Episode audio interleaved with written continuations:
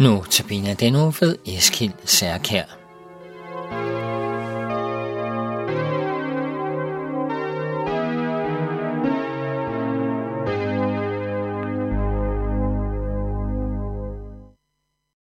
Goddag.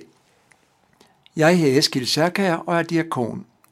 I denne uges notabene gennemgår jeg nogle vers fra brevet til Romerne kapitel 1 og er kommet til vers 6, hvor vi læser – Blandt dem er også I, som er kaldet til at tilhøre Jesus Kristus.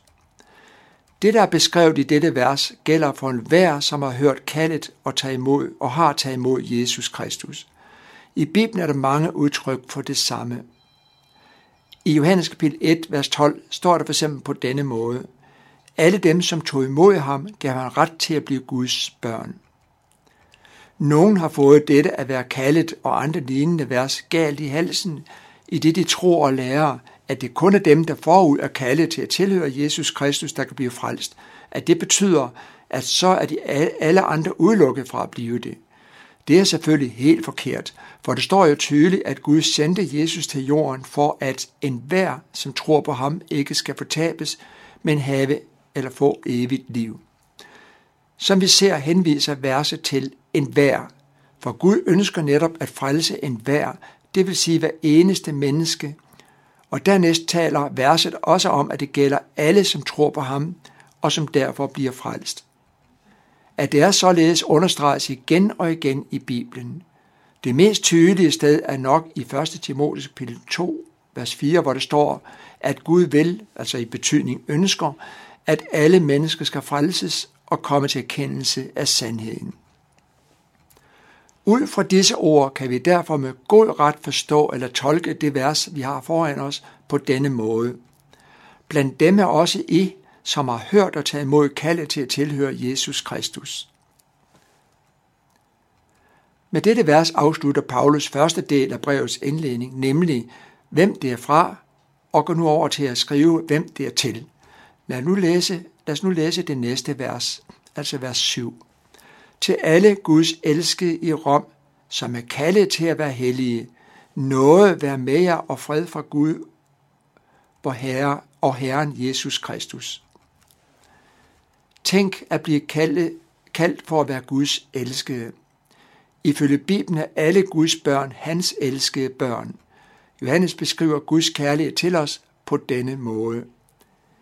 Derved er Guds kærlighed blevet åbenbart blandt os, at Gud har sendt sin søn den enborne, for at vi skal leve ved ham. Deri består kærligheden, ikke i, at vi har elsket Gud, men i, at han elskede os og sendte sin søn til soning for vores sønder. I elskede, når Gud således elskede os, så er vi også skyldige at elske andre. Det er altså om disse, det vil sige også os, som vil tage eller har taget imod Jesus øh, Kristus som frelser, der er Guds elskede børn. Eller som vi læste det i vers 6, er kaldet til at tilhøre Jesus Kristus. Det er dem, der ifølge vers 7 dermed også er kaldet til at være hellige. Der sættes altså lighedstegn mellem det at tilhøre Jesus og være hellig. Ordet hellig betyder, at vi er udskilt fra verden, altså fra det værstlige, kan man sige, for at tilhøre Gud som det bliver defineret i en ordbog. Når dette sker, er vi følge Bibelen hellige, alene fordi det er Guds hellighed, der gør os hellige. Det skyldes ikke noget os, som for eksempel vores tro, moral eller god vilje, men det skyldes alene Gud.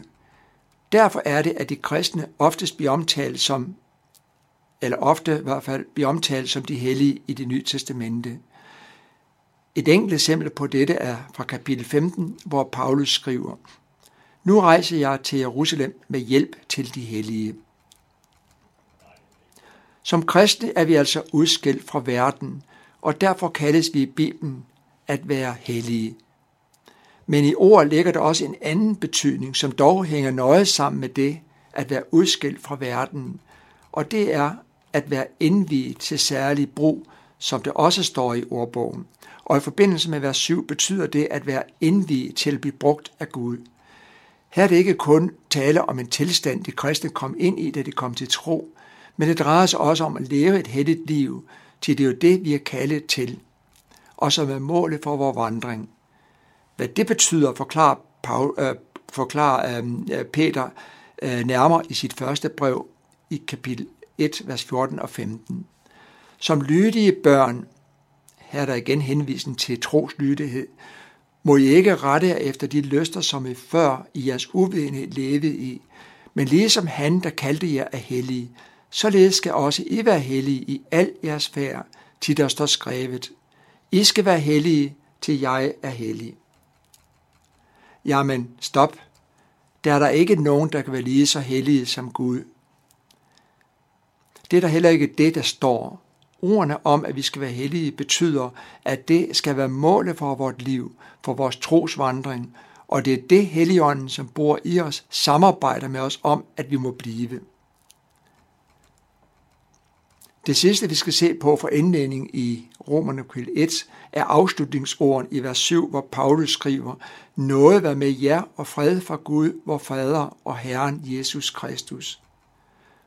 I Mellemøsten har det i årtusinder været almindeligt at ønske hinanden Guds fred, når de mødes. Det samme er tilfældet i de breve, man skrev. For eksempel finder vi i Esra kapitel 5, vers 7, hvor nogle jødiske øh, fjender skriver til kong Darius med ønske om, at han befale jøderne at stoppe tempelbyggeriet. De indleder ordene med, Kong Darius ønsker vi al fred. Det er sikkert denne sædvane, som Paulus har videreført i sine breve.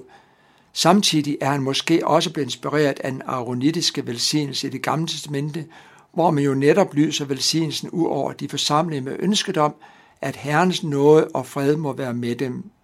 Og det er også det, jeg vil afslutte med i dag. Herren velsigne dig og bevare dig.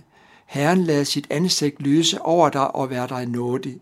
Herren løfte sit årsyn øh, mod dig og give dig fred.